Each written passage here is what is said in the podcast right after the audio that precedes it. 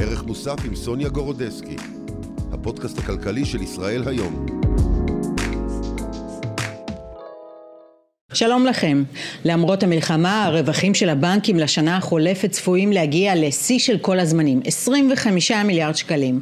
הסיבה העיקרית לכך היא כמובן הריבית הגבוהה במשק, שאגב עדיין לא ממש ירדה, אבל חלק מהבנקים כן מורידים כבר את הריבית על הפקדונות שלכם. בינתיים באוצר מתכננים להגדיל את המיסוי על הבנקים כדי לממן את צורכי המלחמה.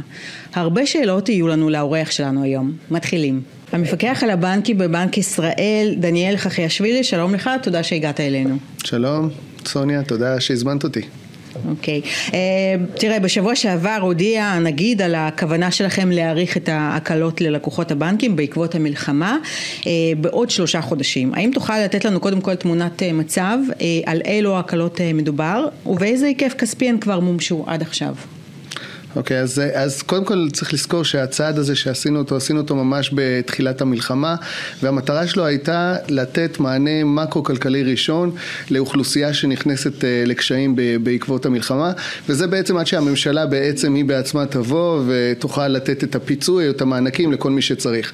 אז הצעד, מה שהוא כלל, המתווה שבעצם גיבשנו אותו מול המערכת הבנקאית, הוא כלל בעצם דחייה של אה, תשלומי משכנתה, דחייה של אה, הלוואות צרכניות, תחילה דחייה של הלוואות גם לעסקים אה, קטנים, הדחייה הייתה דחייה של שלושה חודשים, כאשר בעצם הסתכלנו על שני מעגלים של אה, שכבר נפגעים. שכבר הסתיימו, נכון?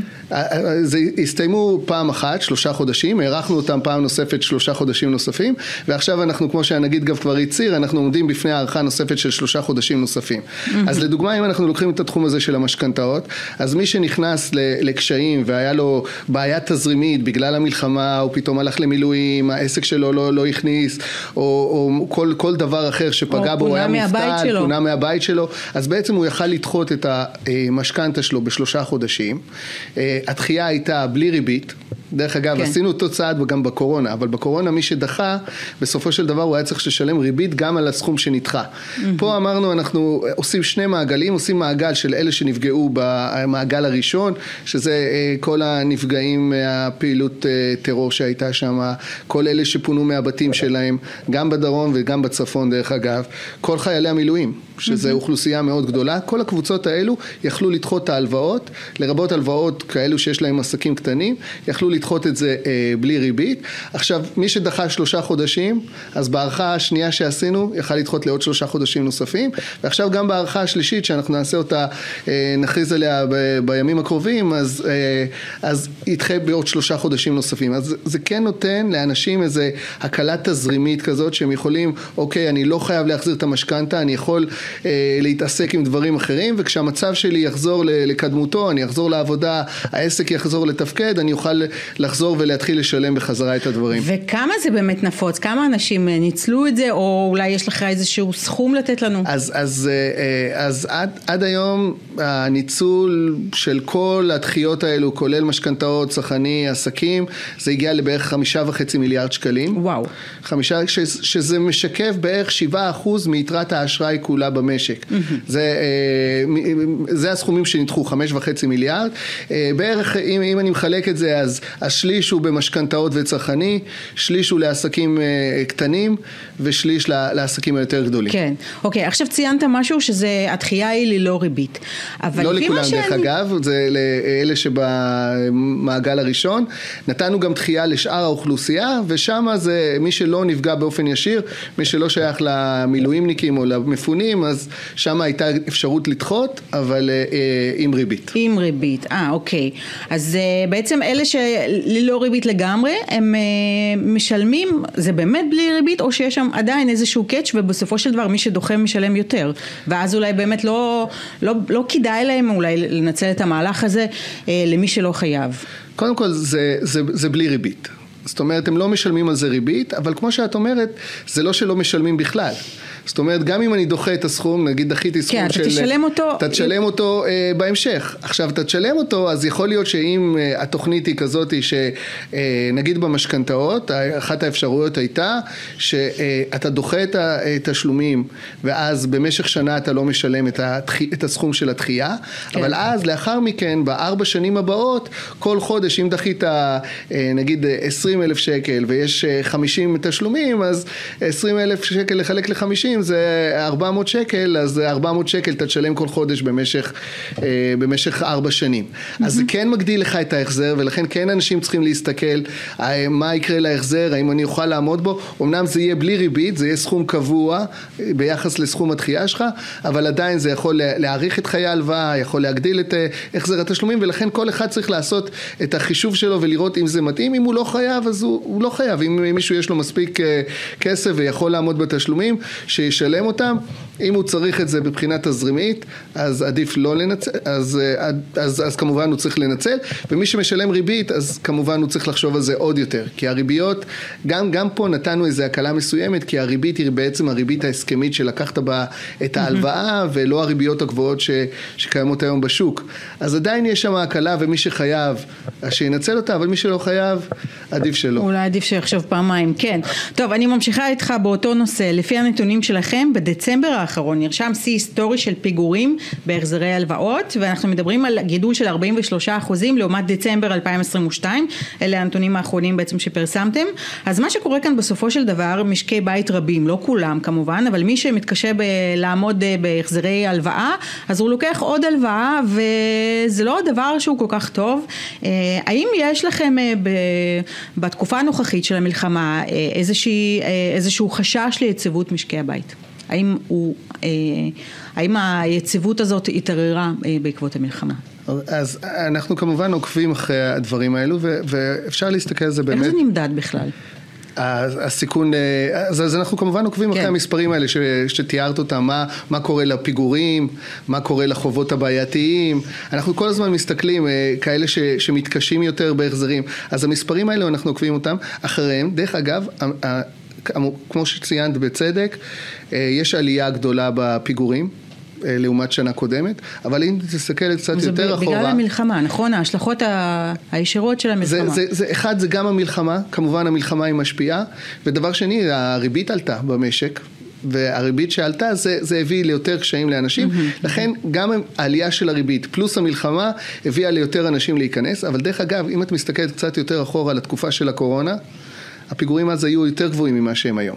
ברמה 아, שלהם. אוקיי. זאת אומרת, אנחנו עדיין בעלייה, אבל, אבל עדיין זה, זה לא, לא הגענו ל, לרמה של, של סיכון אה, אה, משמעותי ליציבות, או של משקי הבית, או כמובן ליציבות הפיננסית. אנחנו כן מסתכלים שהבנקים מנהלים את הסיכונים האלו, שכן הם שמים כסף בצד כנגד הסיכונים האלו שמתהווים, גם מבחינת ההוצאות שלהם להפסדי אשראי, גם מבחינת ההון שלהם, שיש להם מספיק הון, אנחנו כן מסתכלים על זה. זה מצד אחד. ומצד שני, אנחנו גם מסתכלים על הלקוחות ואומרים, אוקיי, מה, איך אפשר לעזור ללקוחות בהיבטים האלו? ובהיבטים האלו כמובן מתווה הדחיות שעשינו הוא כמובן עוזר ללקוחות, זה צעד אחד, כי חלק מהם יכולים לדחות ועל ידי זה לחכות אולי שהמצב שלהם ישתפר.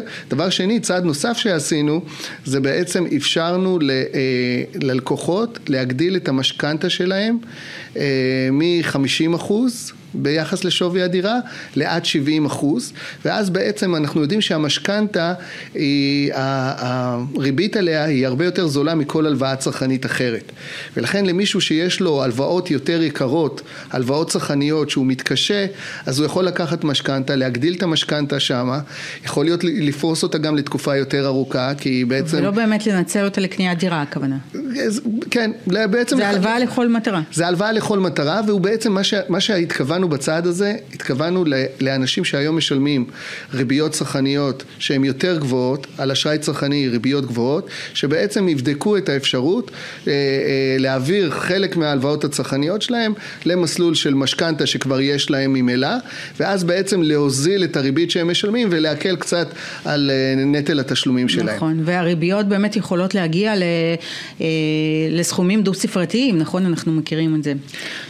באשראי הצרכני... באשראי הצרכני באשראי לפעמים, חוץ-בנקאי. באשראי החוץ-בנקאי בוודאי הריביות יותר כן. גבוהות, בבנקים הם גם ריביות גבוהות, כי אנחנו היום במציאות של ריבית קצת יותר נכון. גבוהה במשק. נכון. טוב, אה, הנושא הבא שאני רוצה לדבר איתך עליו, אבל גם קשור כמובן לבנקים. אה, כולנו יודעים שהריבית הגבוהה אה, גרמה לזינוק ברווחי הבנקים, ואמרתי בפתיח שלי שהצפי לשנת 2023, אה, שהרווח המצרפי שלהם יגיע לשיא של כל הזמנים, 25 מיליארד שקלים. הנתונים הרשמיים עדיין אה, לא התפרסמו. אז אה, בהקשר הזה אני רוצה לשאול אותך, מהי דעתך אה, לגבי הטלת מס יתר על רווחי הבנקים? האם זה צעד מוצדק לדעתך? אז, אז אני אגיד אולי... בעצם מ- כבר אה, מקודם בימים אלה על ידי כן. משרד האוצר, זה, זה וכבר כבר יש מקודם, החלטה, וזה, אבל יש מה- מה החלטה, אתה חושב? ו- זה- ויש חקיקה, וזה נכון. בדרך, ויש גם אה, אולי אפילו שיח לאיזה פשרה בין... נכון, אז בין- גם על זה נדבר, אז אה, כן, קודם כל אתה חושב שזה הגיוני? אז, אז אני אגיד, קודם כל, אנחנו, אה, מסת- הרווחיות של הבנקים באמת הייתה להם, אה, בש, בשנתיים האחרונות הייתה רווחיות גבוהה. חריגה, היא, היא נבעה, אולי. היא, כן, היא אפילו חריגה, היא נבעה מזה שבאמת אה, אה, אה, הריבית עלתה. והריבית עלתה אה, במהירות, והרבה, נכון. ו, ואם אנחנו מסתכלים על מבנה המאזנים בבנקים, אז חלק גדול מהאשראי הבנקאי הוא צמוד, אה, הוא ריבית משתנה, הוא צמוד ל- לריבית בנק ישראל, והמקורות הם לא שמה, ואז ברגע שהריבית של בנק ישראל עולה, המחירים על האשראי עולים ב, כמעט באופן אוטומטי, והריביות על הפקדונות לא עולים, במיוחד על הכספים ששוכבים בעו"ש שאין שם אה, ריבית בכלל. אז, אז זה, זה, זה אה, מרכיב אחד משמעותי שמסביר את הרווחיות הזאת, כמובן ההתייעלות של הבנקים ועוד כל מיני דברים אחרים שקרו שם. התייעלות, מה, שהם סגרו סניפים? אה, גם, גם, גם סגרו סניפים, גם הקטינו את אה, כמות העובדים, גם הרבה אוטומציה שאנחנו רואים במערכת הבנקאית, עוברים לשיטות עבודה עם מחש- מחשוב ופחות כוח אדם, אז כל הדברים האלה באמת הביאו לרווחיות יותר גדולה, אני לא חושב שזה ילווה אותנו בהסתכלות קדימה. עכשיו לעניין הזה של המיסוי, אה, אנחנו, אה, קודם כל אנחנו, ברור לנו שאנחנו במצב אה, חירום במדינה והמדינה צריכה להגדיל את ההכנסות שלה. זה דברים גם שהנגיד אמר, זה דברים שאנחנו בבנק ישראל תומכים בזה. אנחנו, היה לנו כן, אה, אה, לא אהבנו את זה שמטרגטים באופן ספציפי סקטור מסוים, את הסקטור הבנקאי, וחשבנו שזה צריך להיות יותר רחב. אם מסתכלים, רוצים אה, להגדיל את ההכנסות של המדינה, לא צריך לטרגט אה, סקטור מסוים, גם בין הבנקים יש שונות מסוימת. ויש כאלה שאולי הם, הם פחות רווחיים ויש כאלה שיותר.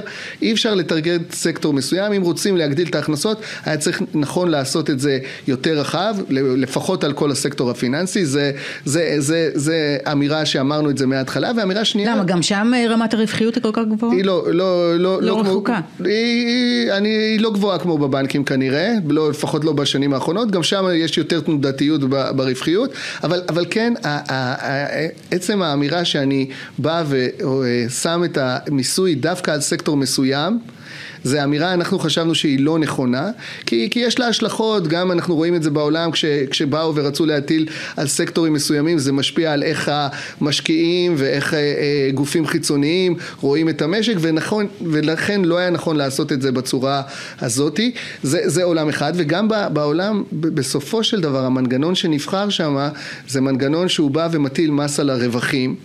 והוא לא מדבר באמת על רווחיות היתר. זה לא משהו שבא ואומר, בוא אני אנסה לחשב את רווחיות היתר ועל זה אני אטיל מס. אז גם פה, כשאתה בא ואתה רוצה לעשות על רווחיות יתר, אתה צריך לבנות משהו יותר, יותר מסודר. אבל אה, בסדר, אנחנו, זה, זה, אנחנו הולכים כנראה ל, ל, למיסוי הזה. נכון, כלומר מה שאתה אומר בעצם לא נעשתה איזושהי בדיקה האם זה באמת הענף הרווחי ביותר אה, במשק, נגיד אולי יש חברות הייטק שמרוויחות לצורך העניין, או חברות סטארט-אפ שמרוויחות אפילו, ב, לא יודעת, באותה רמה או ב, בסדר גודל אה, של, שיש להם אה, אותם רווחים, אז, וזה, הבדיקה הזאת לא, לא נעשתה אתה אומר. אה, פה בחרו לתת, אה, המערכת הבנקאית בחרו אה, לטרגט אותה וזה זה מה ש... ללא בדיקה. אני לא יודע עוד איזה בדיקות עשו, אבל את המערכת הבנקאית כן רצו לטרגט, כן הסתכלו על הרווחיות שלה, כן על הרווחים הגדולים שהיו להם בשנתיים האחרונות, האם זה ימשיך איתנו קדימה לשנים הבאות שהן שנות המיסוי, זה גם כן שאלה. אוקיי, טוב, מעניין, האמת שלא שמעתי עד עכשיו דעה מהסוג הזה, אה, אבל גם לא ראיינתי אה, אנשים מבנק ישראל על זה. אה, טוב, הנושא הבא הוא קצת יותר צרכני, הריבית עדיין לא ממש ירדה, או היא רק התחילה לרדת, אבל עדיין היא גבוהה, אבל חלק מהבנקים כבר מורידים את הריבית על הפקדונות, ואני רוצה לשאול אותך איך אפשר באמת לגרום לבנקים להיטיב יותר עם הלקוחות. מבחינת הריביות שאנחנו מקבלים על הפקדונות. והריביות כן. שאנחנו משלמים על האשראי. אז, אז, אז קודם כל, אני אגיד, בסופו של דבר, כשהבנק קובע את הריביות, אז צריך להבין שהמנגנון לקביעת ריבית זה מנגנון שהבנק אה, כל הזמן מסתכל על הריבית הצפויה. כן. והוא לא על הריבית הנוכחית שנמצאת בדיוק באותה שנייה אה, בשוק. Mm-hmm. ולכן אם, אם אה, הצפי שמכל מיני מכשירים בשוק ההון ו, ומכשירים אחרים, אתה רואה שהריבית הולכת לרדת, אז אתה יכול באמת, אה, הבנקים יכולים לתת לך כבר היום ריבית שהיא קצת יותר נמוכה. דרך אגב, זה נכון לפקדונות וזה נכון גם לאשראי. זאת אומרת, לפעמים, לפני שאתה רואה mm-hmm. ירידת ריבית בפועל, הבנקים יתמחרו את זה, אם יש ציפיות לירידת ריבית, אז יתמחרו את זה יותר נמוך, גם, ב, גם באשראי וגם בפקדונות. אנחנו אה, ערים לזה שבתחום הזה של הפקדונות אנחנו צריכים להגדיל את התחרות אה, ואתמול רק יצאנו עם איזה אה, טיוטת הוראה חדשה שבעצם מגדילה את כל מה שקשור לשקיפות בעולם הזה של הפקדונות. בעצם באנו וחייבנו כל אחד מהבנקים, עשינו בדיקה, ראינו מה הפקדונות הכי נפוצים במערכת הבנקאית, בחרנו של, עשרה סוגים של פקדונות פקדונות כאלו, וחייבנו כל אחד מהבנקים בעצם לפרסם את כל הפקדונות האלו עם המחיר. זאת אומרת... איפה לפרסם? אז קודם כל הם יפרסמו את זה אצלהם, באתרים שלהם. באתר, אוקיי. אבל, אה, אבל אנחנו גם כן נוכל לאסוף את המידע, להשוות בין הבנקים השונים. אני בטוח שיהיו גופים שיוכלו לקחת את המידע הזה ולשים את כל הבנקים, ועכשיו יהיה, אפשר יהיה להשוות, כי כל המוצרים הם יהיו בדיוק אותו דבר. כל אחד מהבנקים ייתן בדיוק את אותו מידע הנדרש ללקוח בשביל לקבל את ההחלטה. אז, אז זה עולם אחד של להגדיל את השקיפות.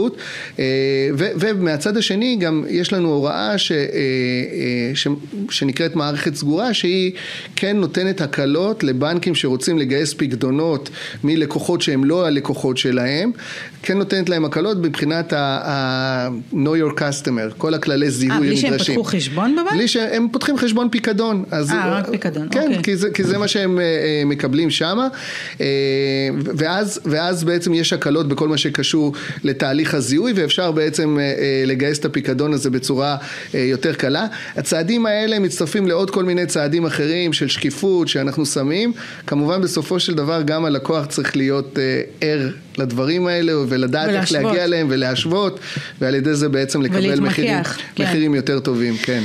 אוקיי, אז באותו נושא, לאחרונה הבנקים התחילו ממש בשבועות האחרונים, הבנקים התחילו לשלוח הודעות אס.אם.אס וגם אני קיבלתי את ההודעה הזאת. כמה עמלות אני משלמת פר חודש, כל חודש לבנק לאומי, לבנק הפועלים, כל בנק, כל מי שיש לו חשבון בעצם אה, אמור לקבל בימים האחרונים את ההודעות האלה. אה, מה אתה ממליץ, מה אתם ממליצים בבנק ישראל בעצם לעשות עם זה, אה, עם המידע הזה, מי שמגלה נגיד שהוא משלם 80 שקלים בחודש, מה אתה ממליץ כן. לעשות עם זה. אז, אז קודם כל זה... להתקשר זה, לבנק, מה להגיד. זה, זה, זה מתחבר באמת ל, ל, ל, לצעדים שדיברנו עליהם, של השקיפות וזה שיש מידע יותר ללקוחות. והלקוחות בעצם הם, הם צריכים להבין, אחד הם צריכים להבין על מה הם משלמים. לראות מה הרכיבים האלה שהם משלמים. יש עוד כלים שהם יכולים נכון, להסתכל עליהם. נכון, כי בהודעה אין את הפירוט הזה אני חושבת. אז, אז, אז אה, זה אין, ויכול להיות שבמקומות אחרים אתה כן תראה את זה, גם בחשבון בנק שלך, בתעודת זהות בנקאית שיש לנו, ושכל אחד מהלקוחות יכול לקבל ולמצוא באפליקציה. הפנסיה שלו, אתה יכול לראות בדיוק על מה אתה משלם, ואז להבין, mm-hmm. ואז להשוות גם כן במקומות שאנחנו שמים, להשוות מה המחירים בבנקים אחרים, ואם, אה, ואם צריך, אז לבוא, לדבר עם הבנק ולקבל את המחירים היותר טובים מבחינת, אה, מבחינת הלקוח. וזה אפשרי? אתם כבר אה, מקבלים תגובות על זה? אנחנו... בשלב הזה אנחנו מקבלים תגובות ראשוניות ש...